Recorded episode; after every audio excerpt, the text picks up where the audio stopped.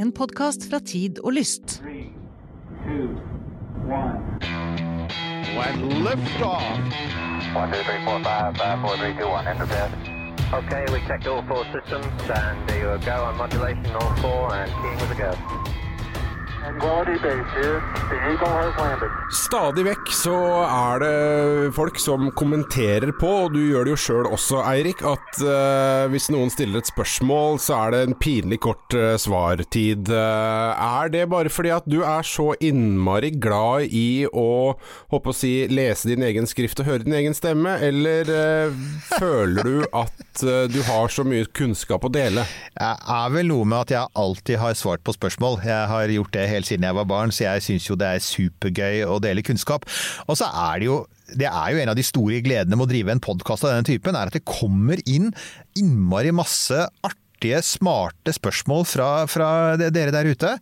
Eh, og, og det er jo også, det kan vi jo si, det, det hører dere hvis dere følger med oss, at dere er jo også med på å forme eh, sendeskjemaet vårt. fordi at mange av de spørsmålene fører jo faktisk også til sendinger. Definitivt, og det er veldig deilig å, å på en måte ha La, la oss kalle det eh, den, det tredje eh, podkastmedlemmet som eh, hjelper til i redaksjonsarbeidet.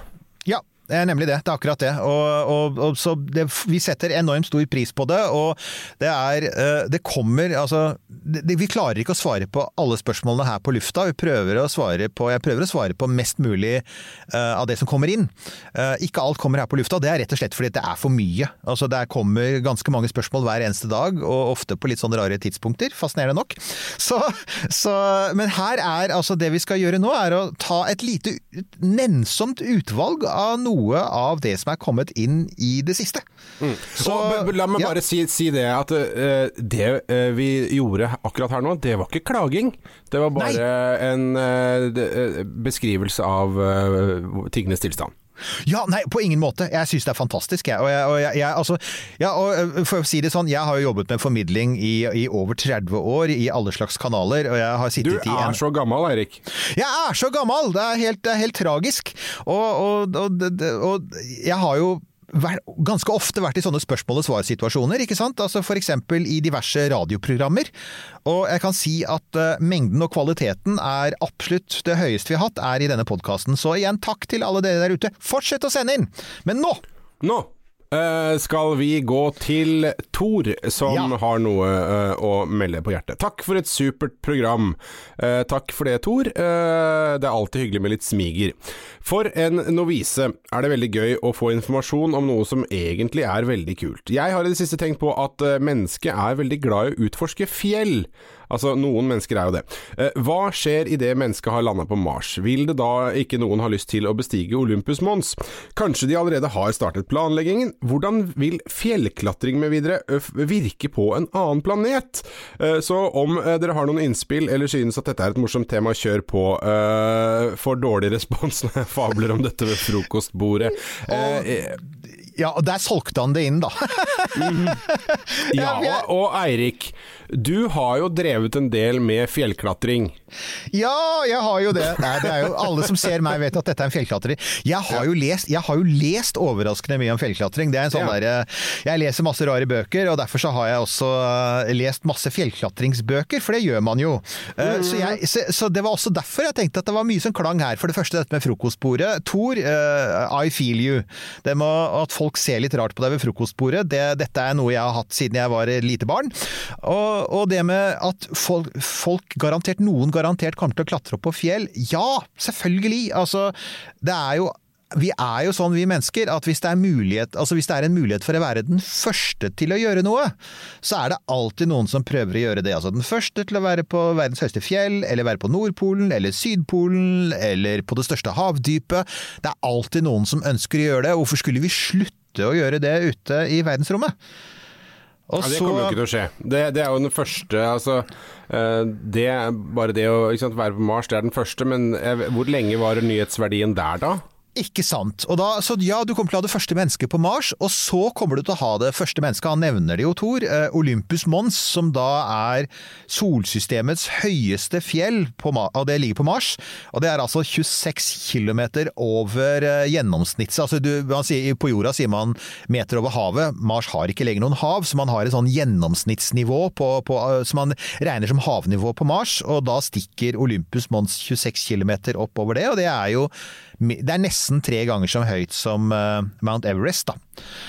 Eh, men her er jo saken. Eh, noen kommer til å klatre opp på den, men det blir ikke som å klatre opp på Mount Everest. Han spør hvordan blir det? Vel, altså Olympus Mons er en utdødd vulkan, og det vil si at den er mye flatere enn Mount Everest. Mount Everest er et ganske sånn spisst fjell som er blitt presset opp av kontinentalplater som har kollidert. Her er det sånn at over millioner av år så har det rent, altså rent lava ut fra toppen av Olympus Mons. Eh, og så er det også ganske lav tyngdekraft for Mars, sånn at det blir sånn ekstra slakt. Og, og det gjør at når man står på toppen av Olympus Mons, så ser man faktisk ikke Man ser ikke horisonten på Mars, man ser egentlig bare selve fjellet. Og eh, altså, kanten på Olympus Mons, eller den nedre kanten på Olympus Mons, er 600 km bred. Dette fjellet ville dekke det meste av Frankrike, faktisk. Så du kan ikke gå fra basen på fjellet og opp til toppen, eh, selv i romdrakt. For at altså ja, du kan tenke deg selv 600 km. Ingen vil kunne gå fra eh, altså uassistert, da. Så det må være noen underveis som Når noen prøver å klatre opp på toppen, så vil de gå i 600 km, og så vil du ha stasjoner underveis hvor du får oksygen og mat og sove og alt mulig, ikke sant? Men du, eh, dette er jo et tankeeksperiment eh, i stor grad, eh, Eirik. Eh, altså, hvis vi skal se for oss liksom menneskets ev nei, ønske og, og driv og vilje til å klatre opp på ting, så vet vi jo at den på jorda er ganske høy. Eh, Men her, poenget med å, å klatre opp er jo ikke noe annet enn å klatre opp. Det er Ja. poenget. Altså, det er enklere måter å komme seg opp på toppen på. Eh, Så da vil man jo kunne påstå at det å klatre opp, la oss f.eks. la Olympus Mons, vil være en sånn rekreasjonsgreie som egentlig ikke har noe praktisk eh, Det er ikke noen praktisk grunn til å gjøre det. Så da er mitt spørsmål Etter at man sett at man da har etablert en eh, base, permanent be, beboelse på Mars, hvor lang tid tror du det vil ta fra den eh, basen og den kolonien da er etablert, til noen begynner å alvorlig tenke Æh, skulle vi klatre opp det fjellet? Jeg tror det vil gå overraskende kort tid, ja. og grunnen til det er rett og slett at den typen folk som først kommer til å reise til Mars, det er nettopp sånne som liker å ta sjanser, som er litt sånn, hva er det å si, sånn alfapersonligheter. Altså de er, de er uh, sånn take charge, de, de liker å, å ta, ta sjanser. Uh, de må helt klart like å vise seg fram, fordi at de veit at de kommer til å bli verdensberømte, og at alle kommer til å følge dem med, med falkeblikk. Eh, og, og det er jo altså, altså For mange, mange år siden Lenge før Edmund Hillary og Tenzing Norgay klatret opp på Mount Everest, så var det en britisk ekspedisjon som forsøkte å klatre opp. Det var på begynnelsen av 20-tallet, og eh, blant annet den ble ledet av en som het George Mallory. Eh, De døde eh, på veien opp til toppen, så man veit aldri om de nådde toppen først. Men George Mallory han ble jo spurt hvorfor klatrer du på Mount Everest, og han svarte 'because it's there'. Ja, og, og, og det er et ganske velkjent sitat, og det er jo mye i det. Altså, og det er jo det Thor egentlig sier, er jo er det ikke ganske mange der ute som er akkurat der som sier 'because it's? Det er en fjelltopp der, øh, og jeg vil erobre den fordi, rett og slett fordi den ligger der. Så ja, øh, jeg tror det vil gå ganske kort tid. Så, jeg, men jeg tror jo at det kan jo godt tenkes at før vi klatrer opp på Olympus Mons, at vi faktisk klatrer opp det høyeste fjellet på månen! Og det måtte jeg faktisk google, jeg var ikke klar over det. Hva, altså, har du hørt om det høyeste fjellet på månen? Det fins jo det jo. Ja, vet du hva, Eh, nei jeg har ikke hørt om det, men jeg har liksom hørt om, eh, om navnet, for det var vel en sonde som het det samme, var det ikke det? Ja, Høygen, Høygens? Høygens, ja, det stemmer Ja. det. Det er jo Christian Høygens, en eh, nederlandsk astronom på 1600-tallet. Mons Høygens, eh, og det er altså, den er, den er ganske høy. Altså Månen er jo mye mindre enn jorda, men fjellet, det høyeste fjellet på månen er fremdeles ganske høyt. Nesten så Ja. høyt som eh, Kilimanjaro. 5500 meter høyt er Mons Høygens, og det ligger da i det som heter Måneapenninene. Apeninnene er jo en fjellkjede i, er det vel i Italia, tror jeg. Eh, og det er altså da ved det regnfulle hav, Mare Imbrium. Og hvis man vil vite hvor dette fjellet eh, ligger i forhold til fullmånen, da, så er det sånn litt oppe og til venstre for midten på fullmånen. Der ligger denne fjellkjeden. Og og her er jo saken. Det er et fjell som man antagelig vil kunne klatre opp uten annet enn altså oksygen i romdrakten på én klatretur, for at det er et ganske bratt fjell. Ja. Så, så her istedenfor sånn som uh, Olympus Mons, som blir en ekspedisjon som tar mange mange dager, her burde det være mulig innenfor den tiden du har når du er ute på månen i romdrakt, å komme deg opp på toppen, også fordi at månen har en sjettedels tyngdekraft, så det vil jo hjelpe. Og da er spørsmålet, hvor lang tid har du på det da? Og det måtte man jo også sjekke. Og jeg tenkte, ok, hvor, denne, denne svære ryggsekken som Apollo-astronautene hadde på ryggen, den inneholdt jo masse oksygen og vann, og du hadde jo også et innebygd toalett der, i tilfelle du måtte det. Eh, og dette life support-systemet til Apollo, det fungerte i opptil åtte timer, faktisk, kunne man være ute. Men jeg tenker jo at det kan helt sikkert økes med nyere teknologi. sånn at hvis man tenker seg at du f.eks. har typ tolv timer på deg for å komme fra eh, bunnen av Mons Høygens opp til toppen, det burde være løsbart hvis man planlegger. Men har du da uh, taken into account uh, de litt sånn um, klossete bevegelsene som disse romdraktene medfører? Det er et innmari godt poeng, og det er jo som, som vår venn Mike Massimino, han har jo vært opptatt av dette, han som vi snakket med nylig i vår sending om, om han. Dette hvor mye det faktisk, hvor vanskelig det er å bevege seg i en romdrakt. Det har du helt rett i, og det kan jo tenkes at man får, en, man man får en modell av romdrakt som gir litt bedre bevegelse, at man må kjempe litt mindre hardt for å motstå liksom dette trykket inn i romdrakten for å kunne klatre. Men på den annen side, på plussiden da, eh, på månen så vil du aldri ha et værproblem. Altså det er jo ikke noe atmosfære.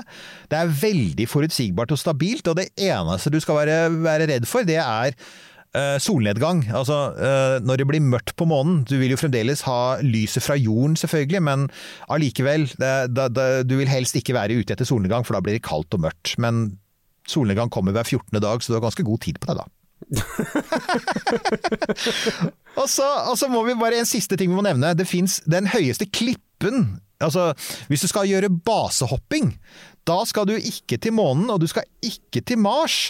Du skal eh, hoppe ut for en klippe på en måne rundt Saturn som heter Miranda. Og Der fins det en klippe som heter Verona Rupus. Dette er latinske navn, og de som kan latin får heller forklare det i kommentarfeltet. Men altså, den er 20 km høy! To mil høy! Og, altså, og fordi tyngdekraften er lav, så blir det det ultimate basehoppet. Når du hopper fra Trollveggen, har du noen sekunder på deg. Når du hopper fra Verona Rupus, så har du tolv minutter før du treffer bakken. Ja, og hvordan treffer man bakken eh, der, eh, Eirik? Du, man treffer bakken fordi tyngdekraften er så lav, så øh, det er jo ikke noe atmosfære som bremser, men tyngdekraften er så lav at øh, terminalfarten, den endelige farten du har før du treffer, den blir noe sånn som 200 km i timen, som selvfølgelig er nok til å drepe deg, det er ikke det, men, men men det man også sier da, er at det er mulig å se for seg at man med en relativt liten sånn bremserakett ville kunne bremse det, og igjen eh, hvis vi, når vi utforsker og koloniserer solsystemet, så er jeg helt sikker på at også det er noe en dag noen Altså Tenk deg det, da. Du har utsikt til den fantastiske Saturn med ringene. Saturn med ringene i bakgrunnen. Du har Verona Rupis, og så kaster du deg utfor. Og så faller du i tolv minutter. Hvis ikke det blir en eh, veldig, veldig kul viralvideo, så vet ikke jeg hva. Da får du sånn eh, førsteslått eh, på, eh, på den der foredragslista på Ekstremsportveka på Voss, i hvert fall etter at du har gjennomført de greiene der. Tips er hermed overlevert. ja. eh, det var Tore. Nå til Iselin. Eh, med fare for at det høres ut som om dere ikke er gode nok, noe som dere absolutt er altså, sier Iselin først. Litt merkelig Ja, start, men ok. Nå, nå blir jeg redd her. mm. For å si som flere her har sagt, etter at jeg oppdaga dere, så har gnisten som romnerd blomstra opp igjen etter flere års tørke, og jeg digger det. Og så en liten observasjon. Eh, Eirik, eh, ta, ta det til deg. Ja, Eirik prater på inn- og utpust, men på en lettfattelig og informativ måte. Takk for det, Island. Det, det, for å si det sånn, du er ikke den første som har sagt det. Jeg beklager, jeg kommer ikke til å forandre meg. Nei, det, Jeg har, det gjør der, du i- jeg har vært der i, i snart uh, 60 år. Ja. Ja, jeg fortsetter. Vær stille nå, Eirik. Jeg skal lese mer fra Iselin her, det hun faktisk lurer på. Men det jeg lurer på, er om det finnes flere gode podkaster om romfart. Gjerne like morsomme, lettfattelige og geniale som Romkapsel er. Der den setningen der var fin. Eh, kan godt være engelsk, selv om jeg eh, så nå at Space NTNU har sendt ut en pilotepisode. Har hørt episoden av Romkapsel på repeat såpass mange ganger at jeg nå kan de nesten utenat. Uh, ja. Det var utrolig hyggelig, da. Det var en uh, Ja, altså, for det første, Space NTNU, kjempespennende. Det er et studentprosjekt oppe på NTNU. Vi følger dem uh, med argusøyne, falkeblikk, eller falcony-blikk, for å Eller holde oss med til selfiekameraet vårt. Med selfiekamera, for det er de som blant annet har snakket Bare så det er sagt, de er på lista vår. De, vi, skal, vi skal snart prate med dem. Eh, og eh, når de får podkasta litt, så skal vi også høre på dem, og, og, og sikkert anbefale dem. Så Space NTNU er der. Og så, ja, eh, det meste er selvfølgelig på engelsk. Jeg får si, ta noen av de gode amerikanske rompodkastene som er der ute. Du har eh, selvfølgelig eh, Neil deGrasse Tyson, eh, kjente eh, astronomen og formidleren. Han har mye, han har mye eh, romfartsstoff. Startalk heter hans podkast. Han har jo blant annet snakket med Mike Massimino, jeg tror flere ganger. Um, Du har Main Engine Cutoff. Det er romnerder som snakker mye om hardcore raketteknologi. Houston We Have a Podcast, den er litt kul, for det er eh, Den lages i Houston, og det er NASA-ansatte som lager den, hvilket vil si at de har innmari god tilgang på masse smarte folk i NASA. Så for eksempel, uh, vi snakket litt om Apollo 13 i vår sending. I Houston We Have a Podcast-sendingen så hadde de de overlevende Apollo 13-astronautene på direkten. Det, det er den fordelen de har. Og så har vi Planetary Radio, uh, som er uh, The Planetary Society, en sånn amerikansk eh, romfartsorganisasjon som eh, lager sin egen podkast. Den er veldig fin, handler mye om rompolitikk. Og så er det en som heter We Martians, og den handler mye om Mars, som vi jo liker. Så det er mye der ute. Og hvis du klikker deg inn på noen av disse i podkastprogrammet ditt, så vil du også få anbefalt andre, så bare så det er sagt. Men det er noen, da. Og så har du YouTube-kanaler, Nils Johan. Ja, herre fred. eh, Det var jo en som jeg kikka på i går, Everyday Astronaut. Han er jo sånn Boca Chica-mann som følger eh, nøye med alt som skjer der. Eh, NASA, altså, det må jo sies. eh, der er de gode. Eh, De er ikke så gode lenger på å bygge raketter, men de er pokker meg gode på å eh, ha Ja. altså et bibliotek av en annen verden, eh, Ja. som nesten er en sånn one stop shop-greie. altså ikke forkleinelse for oss sjøl, men, men NASA er gode, altså. Ja, De har utrolig mye, og hvis du bare Hvis du noensinne lurer på hva du har lyst til å gjøre, og, og, det, er litt, og det er litt lenge å vente til neste romkapsel, så bare gå inn på YouTube for eksempel, og søk opp NASA-TV, eller bare søk opp NASA-TV med Google, så finner du også de har en egen webside. Og der er det 24-7, så er det alltid noe. Det er enten en livestrøm fra romstasjonen, eller et dokumentarprogram, eller en pressekonferanse. Det er alltid noe. Og så har du SpaceX, selvfølgelig, når de sender opp noe. De har, de har innmari gode webkaster, så hver gang SpaceX skal ha opp en rakett, så er det som regel verdt å se på. Og så har du Blue Origin til eh, Jeff Bezos. De har, når de en sjelden gang skyter opp noe, så er deres webkaster bra. Og så, har- ja. så, og så har du disse som heter NASA Spaceflight. Det er et stort miljø av romentusiaster uh, som finner vi, Mye av det vi snakker om her, kommer fra NASA Spaceflight, for de researcher masse av det som skjer i, i romfart. De har en bra kanal. Og så har du Scott Manley, har mange anbefalt i kommentarfeltet vårt. Han er, eh, han er egentlig opprinnelig fra Skottland, men bor i USA og lager fantastisk fine podkaster om ti minutters uh, flere ganger i uka om alt som skjer i rommet. Og så er det en innmari god historie-YouTube-kanal som er laget av en som heter Amy Shira Title. Uh, kjempebra, hun også. Masse, masse historikk, så det er, ja, det er, mye, det er mye å velge i. Jeg kan også få lov til å komme med et tips hvis du har veldig god tid. Ja. Eh, Så kan du via nettsidene til NASA Det er litt sånn kronglete å komme dit, men da kan du eh, klikke deg videre til et sånt eh, digitalt eh, bibliotek eh, et eller annet sted borte i eh, USA, og, hvor du da kan sitte og høre all kommunikasjon fra alle eh, flighter som NASA har hatt. Og, hører, og der er det altså Det som er så vakkert med det, er at det er jo ikke indeksert. Så du sitter bare og hører hele feeden, og så er det stille i en time. og så kommer det blipp, eh, Ja. og så kommer det et eller annet, og så er det stille igjen. Det, eh, kanskje du kan plukke opp noen gullkorn, kanskje ikke. Vet du, og ikke bare det, men det er utrolig avslappende, rett og slett. Det er litt som sånn eh, Det er jo folk der ute som liker å f.eks. ha på en sånn der uh, YouTube-peis eller regnlyd. Hvit støy er det jo også noen som liker å ha på for å slappe av. Og det er jo Du hører sånn liksom sprakingen, og så den blip, og så kysten, og så er det en romferje, eller det er Apollo, eller Ja, nei, jeg er helt enig. Det er eh, utrolig deilig. Og igjen, eh, vi skal jo legge ut lenker i shownotene våre til det vi har nevnt her, så da kan dere bare gå til romkapsel.no, så vil dere finne lenker til alt jeg har nevnt her. Og, hvis vi kommer på mer i mellomtiden, så legger vi det ut også. Ja. Vi går til Henning. Hei, Romkapsel. Jeg er en fullstendig blodhekta lytter av podkasten. Takk for det, Henning. Eh, hyggelig at vi kan eh, gjøre livet ditt både bedre og litt vanskeligere. Men én ting jeg har lurt på, men aldri fått besvart. Ved interplanetarisk reise, er det alltid snakk om det enorme drivstofforbruket som er nødvendig til framdrift. Vil det ikke være tilstrekkelig å få et romskip opp i fart i riktig retning, så vil det gli frem til målet i den farten uten videre bruk av drivstoff? Uh, jo. Det, Det der kunne jeg svare på et spørsmål. Ja, det er riktig, Henning.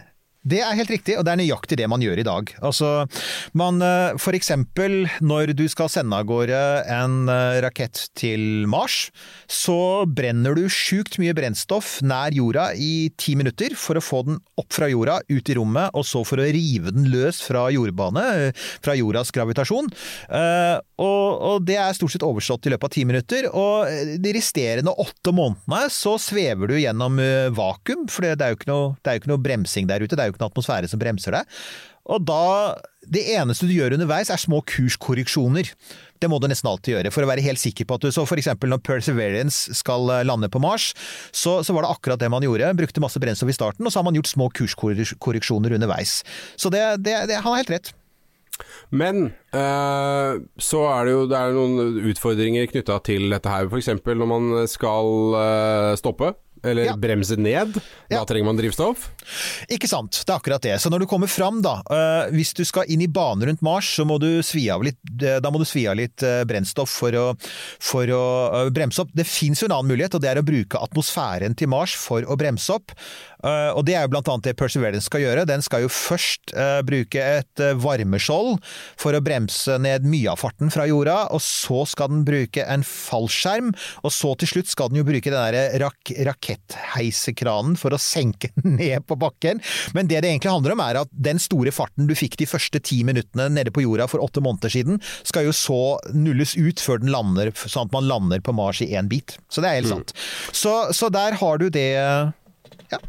Men skal jeg bare lov, skal jeg bare få legge til en liten ting eh, Ja. der, og så bare fortsette litt på Hennings eh, spørsmål, egentlig. Fordi eh, det er jo eh, Han nevner jo da spesielt altså, interplanetariske reiser. Eh, og da er jo drivstofforbruket er jo et av problemene, men, men et annet problem er jo at det drivstoffet man har Vi klarer jo ikke å få nok fart for å komme til en annen planet på en litt fornuftig tid. Så der eh, dette, har vi, dette har vi jo snakka om eh, mange ganger, og spekulert og tenkt på hva er alternative måter å komme seg av gårde som, som gjør det mer realistisk å komme fram til en planet på, på litt mer sånn akseptabel tid. Da. For det, ok, Mars er nærme, men det finnes andre planeter, og det tar jo sjukt lang tid å komme dit. Helt, helt sant, og det er, er derfor man sier at den, den, den vanligste strategien da, for å komme fortere fram til planetene, det er å, å bruke en rakett nær jorda som er mye mer effektiv, f.eks. som er dobbelt så effektiv som det du har i dag, for å halvere tiden. Da. Og det er typisk at atomdrevne raketter. Det er jo en ting man har forsket på, som vi har snakket om før også. at Det forsket man mye på på, på 60- og 70-tallet. og i, det er ingen tvil om at vi er i stand til f.eks. å halvere reisetiden ut til planetene. Så f.eks. fire måneder til Mars, og istedenfor å fly til Saturn på, på, fem år, så kan du fly dit på, på to og et halvt år f.eks., som fremdeles er veldig lenge.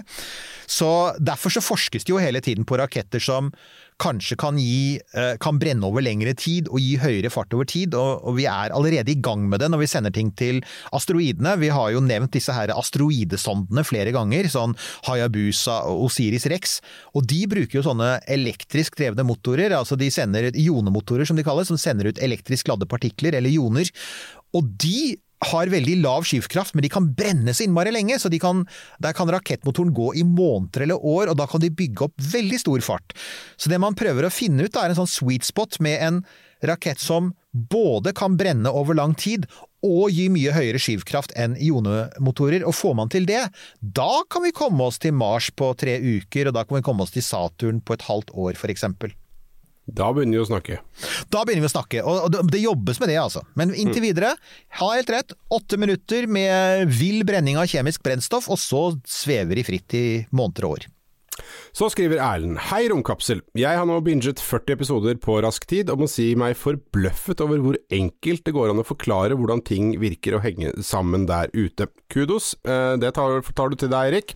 Eh, Jeg bet meg merke i en kommentar om at jorda og Mars er laget av samme tåke av gassammensetninger. Denne sammensetningen har jo beviselig gitt oss liv på jorda, så, det finne, så finnes det andre steder i universet som er dannet av samme gasser. Man skulle jo tro at det var ulike gassammensetninger rundt omkring i, i eh, det det antente, da, altså The Big Bang. Men det er jo noen som har sett på hvor i universet som har vår gassammensetning. Eh, sikkert dårlig formulert spørsmål, så si fra om jeg skal omformulere der. Men Eirik er jo god til å eh, eh, deschiffrere. Det, altså, jeg syns det var mer enn godt nok formulert. jeg, jeg, så jeg, skjønner, skjønner hva han spør om. Jeg skjønner hva han spør om, jeg òg. og, og, og, og jeg får si at uh, Erlend, du, du har uh, altså uh, de, de, Man har jo selvfølgelig sett etter um, de samme gassene der ute, og man har, man har funnet dem. Altså, en ting er at de viktigste, de, mest, de vanligste gassene i vårt solsystem, som er hydrogen og helium, det er jo mesteparten av sola, som er 98% av alt i solsystemet. De fins jo overalt i universet, og så er det, har man funnet mer enn 250 kompliserte molekyler som, eh, er, som annet er byggeklosser i eh, organisk stoff på jorda, og også på levende, levende organismer, har man også funnet der ute. Så man har, liksom, man har funnet alle grunnstoffene, alle de vanligste atomene. Man har funnet hydrogen og helium, og man har funnet massevis av kompliserte molekyler som vi også finner igjen på jorda. Så det man kan si det er at det ser ut som om alle ingrediensene for å lage stjerner og planeter, og til og med mer kompliserte ting på overflaten til planetene, det ser ut som de faktisk er der ute allerede. Så, så ja. Vi kan trygt si at det er den samme gassammensetningen, og at den finnes veldig mange steder der ute. Og det er jo gode nyheter for oss som eh, lurer på om det f.eks. finnes liv i universet. Det er godt å Ja. vite at det som i sin tid eh, ble rørt sammen og skapte liv på jorda, det fins der ute også. Så det, er, det eneste gjenstående spørsmålet er blir det liv der også, om man rører det sammen. Ja, for det var jo det, det, var det jeg satt og tenkte jeg skulle si her nå. Det er jo der liksom, det store mysteriet liv eh, kommer inn. Altså når alle stoffene eksisterer andre steder, hvorfor bare her enn så lenge? Ikke- Ikke sant? Ikke sant, og der kan jeg si at dette kommer vi tilbake til i nær fremtid. Vi har booket en gjest som uh, vi skal, vi skal ta tyren ved hornene. Ja. En tyr er et levende vesen, så jeg syns det passet. ja. Ja. Takk, takk, takk for den. Ja. Uh, vi går videre vi, Eirik, ikke sant? Til eh, Silje. Hei, bra podkast, smilefjes.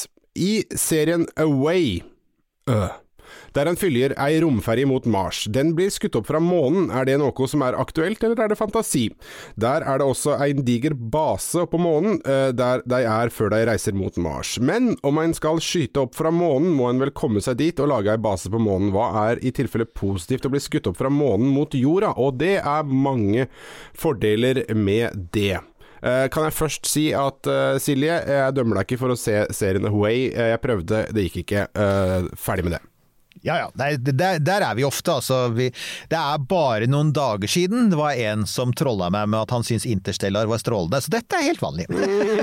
Men det er jo et, det er jo et godt spørsmål, er- eh, du- Silje, og veldig aktuelt. Det er det, for dette er, dette er egentlig uh, når, når amerikanerne skal liksom drøfte sine liksom mer sånn langsiktige strategier i rommet, så er spørsmålet skal du reise via månen, eller skal du bare dra direkte til Mars? Det er en hoveddiskusjon, og fram til nå så har NASAs strategi vært at du skal ta det trinnvis. Du skal eh, dra tilbake til månen, du skal bruke månen til å utvinne brennstoff, og så, så skal du bruke det brennstoffet til å fylle på romskip og reise videre til Mars. Eh, og, og helt fram til en eh, viss elbilprodusent begynte å lage en viss kjemperakett, så var det De fleste ville sagt at det var en fornuftig strategi. Det, en av de tingene som vi vet at eh, SpaceX øh, holder på med sitt Starship-prosjekt, igjen Elon Musk, vi slipper ikke unna han dessverre, øh, det er jo at øh, denne digre Starship-raketten som han vil sende til Mars, den kan ikke fly direkte til Mars fra jorda, det har den ikke brennstoff nok til. Den trenger å etterfylles. Du, du må rett og slett tanke opp den raketten før den flyr videre. Og Det Elon Musk sier er at det blir mye enklere og billigere å etterfylle den med brennstoff i lav jordbane, altså at den bare går i ventebane rundt jorda før den reiser videre til Mars, enn å sende den til månen, fylle på der, og så reise videre.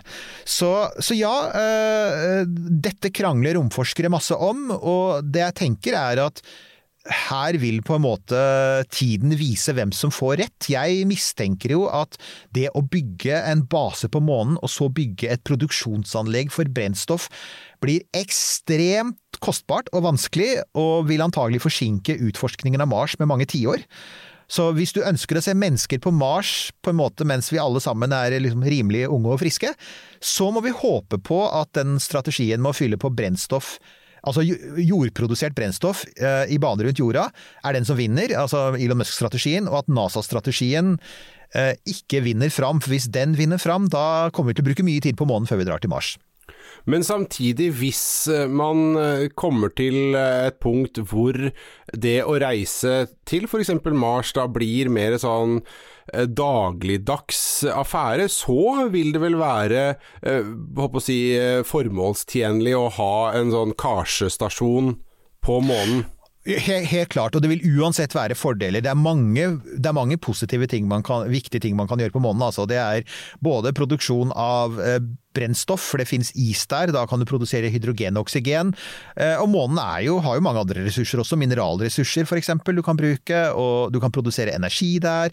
Og du kan også sette opp masse instrumenter der, og radioantenner. Så jeg tror jo månen blir viktig, men eh, akkurat det med å etterfylle drivstoff, der tror jeg at prisen kommer til å være det som er utslagsgivende. Og jeg er litt enig med den som sier at det kan vil, altså Hvis du får til å bruke altså At Starship går opp og ned i bane som et fly, da, som er det som er målet til SpaceX, så er det umulig for meg å tenke at en base på månen prismessig vil kunne konkurrere med eh, et romfly som flyr opp og ned hele tiden fra jorda.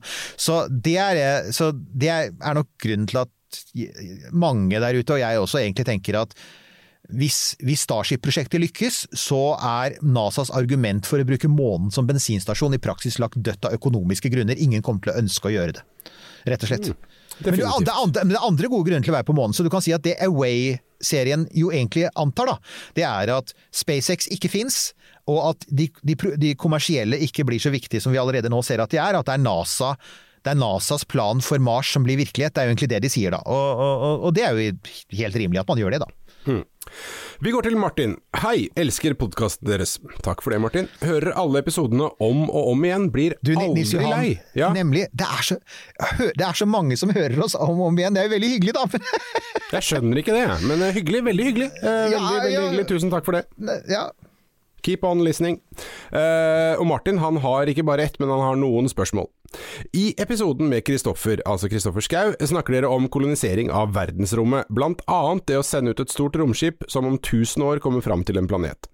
Kunne det vært mulig om livet vårt på jorda er resultat Eller så kunne det vært mulig at livet på jorda er resultat av en slik ferd? Var det ikke et signal fra rommet for en god stund tilbake som ingen vet hva er? Kunne det vært den gamle sivilisasjonen som spør om det gikk bra? Hm. Eh, vi tar med det andre spørsmålet, da. Eh, I stedet for å sende romsonder langt på vei ut i galaksen, kan man ikke feste de til en asteroide? Så kan de bli med på turen til det store rom? Gøyale spørsmål fra Martin her, altså. Det er det. Eh, med det første så tenker jeg litt sånn Alien Covenant, den uh, ikke ja. veldig gode Alien-filmen, hvor, hvor, de mer eller mindre sier at livet på jorda ble sådd fra verdensrommet og av en fremmed sivilisasjon. Og, og, vet du, det er jo folk som har seriøst, seriøst har spekulert på det, fordi at vi sliter faktisk litt med å forklare hvordan livet på jorda oppsto. Vi vet ennå ikke helt hvordan det skjedde. Så ja, eh, det er faktisk en, en eh, Altså, det er jo ikke altså, Selv om vi ikke nå har noe bevis for det, så er jo det, Dette er en sånn idé som er helt innafor alt vi vet om vitenskap og fysikk, men som vi foreløpig ikke har noen måte å, å bekrefte eller avkrefte på. Så ja, det, det er mulig. Det bringer, jo, det bringer jo oss tilbake til eh, spørsmålet fra Erlend om gassammensetningene her, som vi nettopp svarte Ja. på. At, at ja, eh, hvorfor liv på, på jorda og ingen andre steder som i hvert fall vi har klart å finne enda. Så ja, det, det kan jo selvfølgelig henne, og det er en gøyal tanke. Jeg syns det er en Litt fantastisk skummel tanke. også. Den er litt skummel også, for det, betyr, det det betyr er at det er noen der ute som på en måte har kontroll over liv og død. Men, men ja, og, og han, han nevner det signalet Vi hadde jo for ikke så lenge siden en, en sending om uh, dette her uh, BLC1-signalet, var det vel? Eller BL1-signalet. Dette signalet man oppfant, oppfanget fra Alfa Proxima Centauri. og og Der snakket vi også litt om wow-signalet, som uh, var et signal som ble fanget opp på 70-tallet, uh, og som mange har trodd var det, det beste kandidatsignalet fra en fremmed sivilisasjon. Og Hvis du hører på den, Kristoffer, så, så får du høre hvorfor vi ikke Martin. tror at det er Å! Sorry, selvfølgelig. Martin. Eh, hvis, du hører, hvis du hører på den, Martin, så vil du, vil du få med deg at eh, eh, hvorfor vi, forskere ikke tror at eh, det var sivilisasjonen som spurte om det gikk bra. Men det er, en, det er en god tanke. Den andre tingen han lurer litt på, det er jo dette med eh, å feste romsonder til en asteroide, eller kanskje til og med bruke asteroider til å reise ut i det store rommet. og, og det ble jo aktualisert av, uh, igjen, dette med uh, Det snakket vi vel også med Kristoffer om. Um, Oumuamua. Ja, ikke sant? Oumuamua.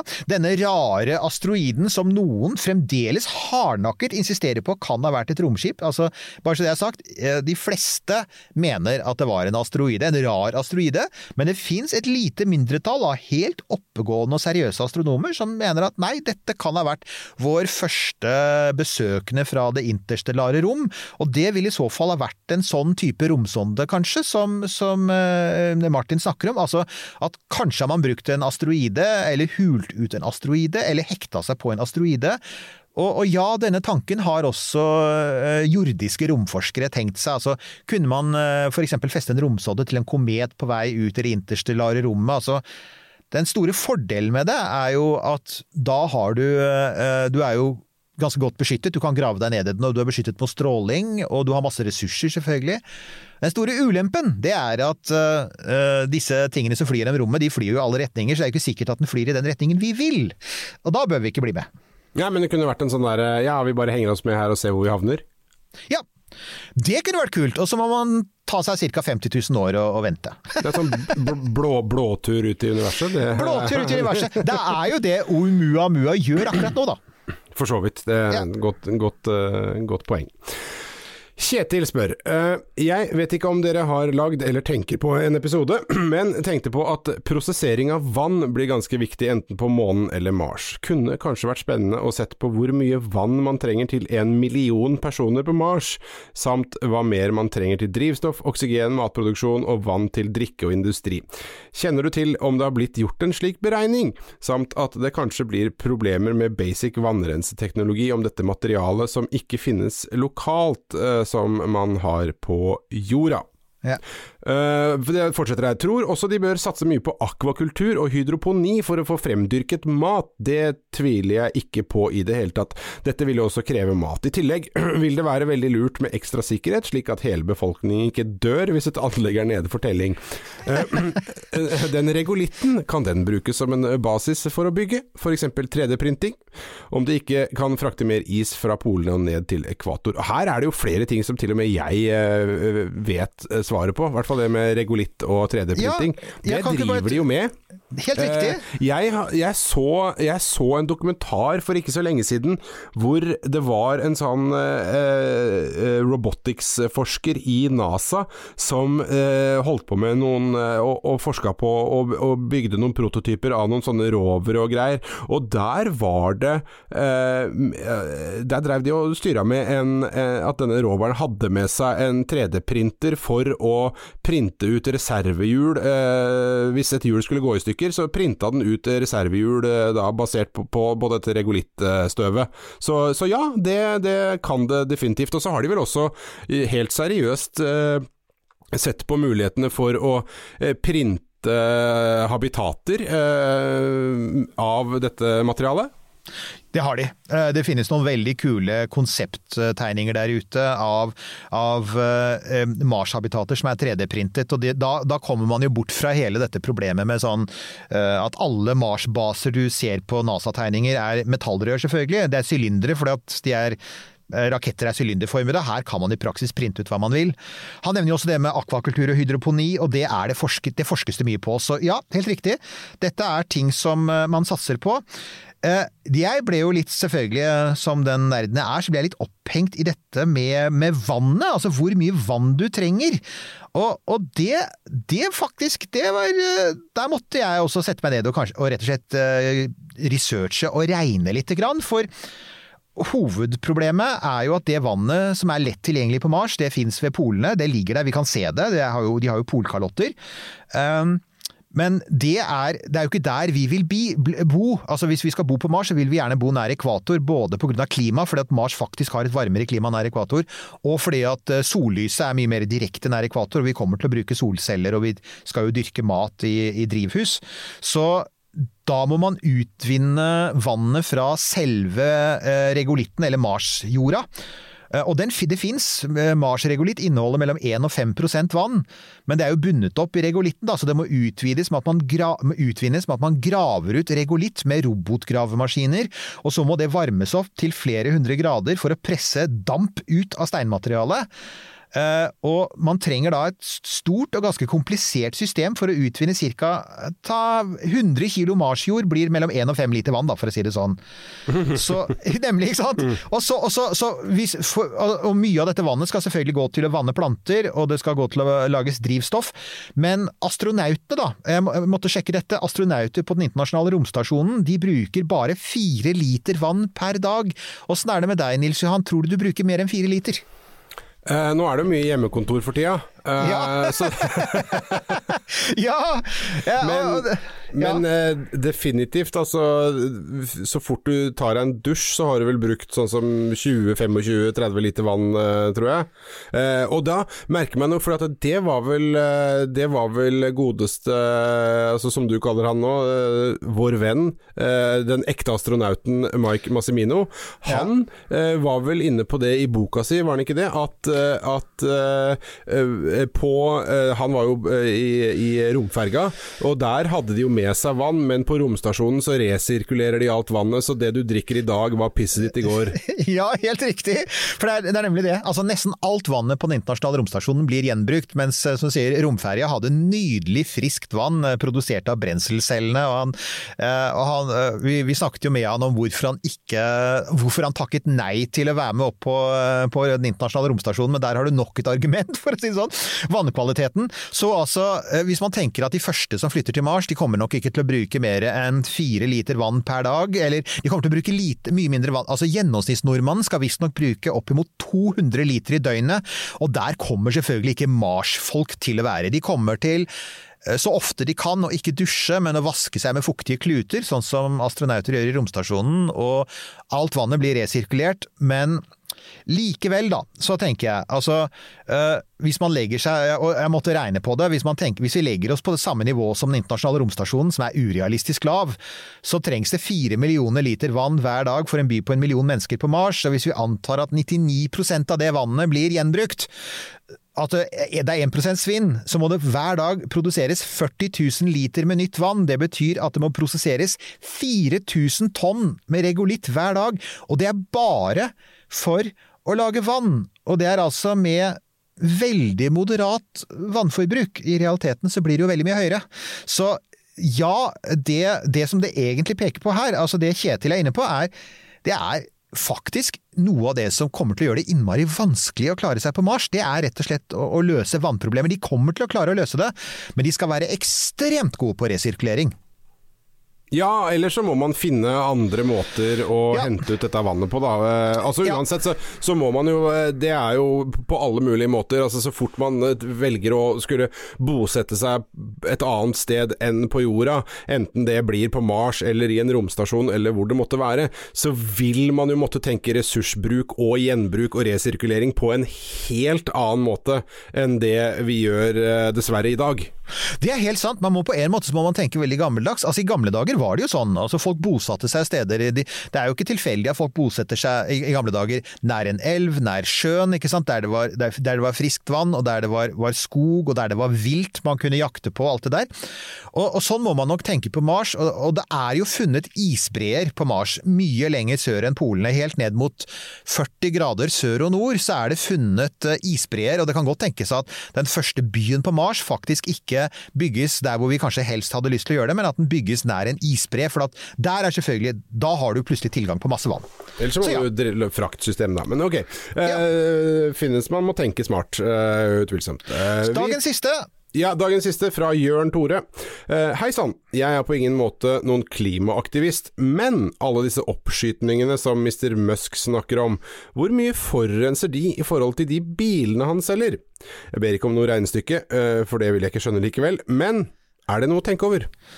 Altså aller først, Jørn Tore, eh, det er et innmari godt spørsmål, og eh, det er et spørsmål som mange er opptatt av. Og så er det, det den, Denne her falt litt under radaren. Jeg oppdaget dette var et spørsmål jeg ikke har rukket å svare på før nå, så beklager det, Jørn Tore, men her kommer svaret. og dette er romkapsel, det blir litt tall, ikke sant? Det, det gjør det bare, Nils Johan. Vi kommer ikke helt unna det. Men ja, eh, altså Altså, dette handler jo, En av grunnene til at dette spørsmålet veldig ofte stilles til SpaceX og ikke til hele rombransjen, det er selvfølgelig fordi at SpaceX eh, drives av Elon Musk, som eh, er veldig opptatt av miljø og lager eh, elbiler.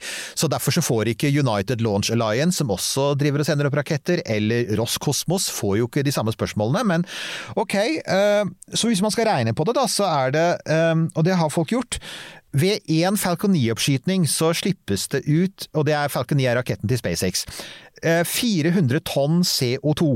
Og det, er, altså det var 26 oppskytninger med Falcon 9 i 2020, og det blir altså ca. 10 000 tonn med CO2. Og det høres masse ut. Um, men det er altså ganske lite i forhold til Teslas egne produksjonsanlegg. Teslas eh, bilfabrikker slapp ut ca. 140 000 tonn i 2019, ifølge deres egne tall. Det var sikkert mer i 2020, for de økte produksjonen sin noe dramatisk, men likevel sånn typ 200 000 tonn CO2, så det er 20 ganger mer. Og så kommer selvfølgelig alle utslippene man får ved å kjøre Tesla på fossilbasert strøm, men det får vi se bort fra nå. Så her er saken, hvis vi skal sammenligne det med noe, da. Flytrafikken slapp ut før vi fikk lockdown og alt mulig sånn, én milliard tonn med CO2 i året. Altså En milliard. En milliard. Ikke en million, en milliard. En milliard. Og, og, og SpaceX står for ca. en fjerdedel av alle oppskytninger, så det var 10 000 tonn. Så det er 40 000 tonn fra den samlede rombransjen, og 1 milliard tonn fra flybransjen. Så jeg tror vi kan si, hvis vi skal se på uh, bransjer, så tror jeg vi kan være enige om at, at uh, rombransjen er en veldig liten synder i så måte. Men så har vi Starship, ikke sant? Og Starship, Starship veit vi er mye større, vil slippe ut mye mer CO2, og ifølge Elon Musk, da, så, så skal de jo skyte, den skal jo skytes opp kanskje daglig, ikke sant? Og da må man jo begynne å tenke, altså hvor mye CO2-utslipp blir det da? Vel, det blir fremdeles forsvinnende lite sammenlignet med flytrafikk, rett og slett fordi det, det går så mye fly i normale år. Og Musk selv, han har vært veldig opptatt av å snakke om at målet for um, Starship, det er at de skal produsere de, de brenner metan, uh, metangass i, uh, i denne raketten. Og metan det er noe du normalt produserer av, uh, av naturgass, eller du kan produsere det av andre sånn hydro, hydrokarboner. Poenget er i hvert fall at den metangassen som brukes nå, den er selvfølgelig lite miljøvennlig. Det er metan som er en klimagass, og det blir til CO2 som er en klimagass. Men planen er å lage metanet av innfanget CO2 fra jordas atmosfære. og det vil man gjøre med samme prosess man skal bruke til å produsere metanbrennstoff på Mars. Så det, det, det er to fluer i én smekk. Det er planen. Det er, det er jo ikke en dum plan. Det er ikke en dum plan, og det denne prosessen som heter Sabatier-prosessen. Det er en velkjent industriprosess hvor man altså da bruker ø, oksygen, man bruker vann og man bruker CO2 til å produsere metan. Uh, den eh, den, eh, man skal faktisk teste en variant av denne prosessen på Mars i forbindelse med Perseverance. Der følger det med et lite, et, en liten sånn eh, dings, et lite eksperiment som skal, skal begynne å produsere uh, brennstoff på Mars. Eh, så man er helt sikker på at dette kommer til å fungere, men man har aldri gjort det i stor skala. Og skal man teste det ut i stor skala, så er det lurt å teste det ut på jorda først. Og det beste stedet å teste det ut på er selvfølgelig rett ved siden av der hvor man skal skyte opp disse metandrevne rakettene. Så, eh, så for å si det sånn da, Jørn Tore. Eh, ja, de er veldig klar over at de slipper ut CO2. Per i dag er det fryktelig lite, og den dagen det kommer til å bli veldig mye av det, så er planen at man skal lage karbonnøytrale raketter. Altså raketter som brenner CO2 som allerede er innfanget, og som derfor ikke netto bidrar til økte utslipp. Og det er jo til og med slik at hvis disse rakettene tar CO2 som er fanget inn på jorda og lager brennstoff av det, og så brenner det brennstoffet underveis til Mars, så er de jo ikke bare karbonnøytrale, de er faktisk karbonnegative, for de tar CO2 fra jorda og slipper det ut i verdensrommet. Hallo. Så i den store sammenhengen så er det vel ikke romfarten man skal se på først når man skal begynne å tenke innsnevring av uh, CO2-utslipp? Helt klart ikke, men er veldig, jeg er veldig glad for at Jørn Tore stiller spørsmålet, for det er ganske mange som er opptatt av det. og Hvis man googler litt, så vil man se at det finnes mange nettsider som sier hvor mye eh, CO2 slippes ut av en rakett.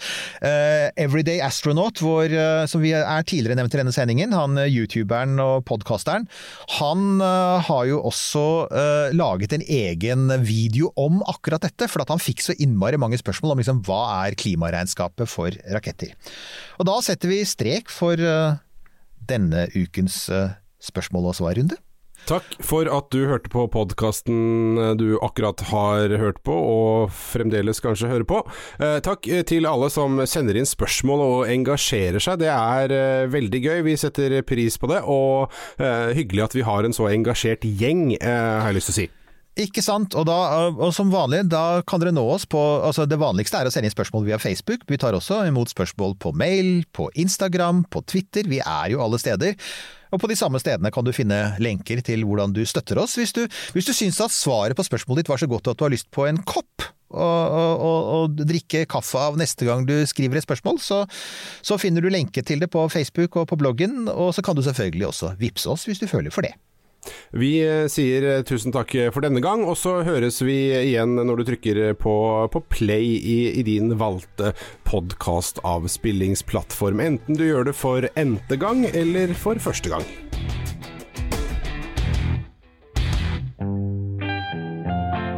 Denne podkasten er produsert av Tid og Lyst.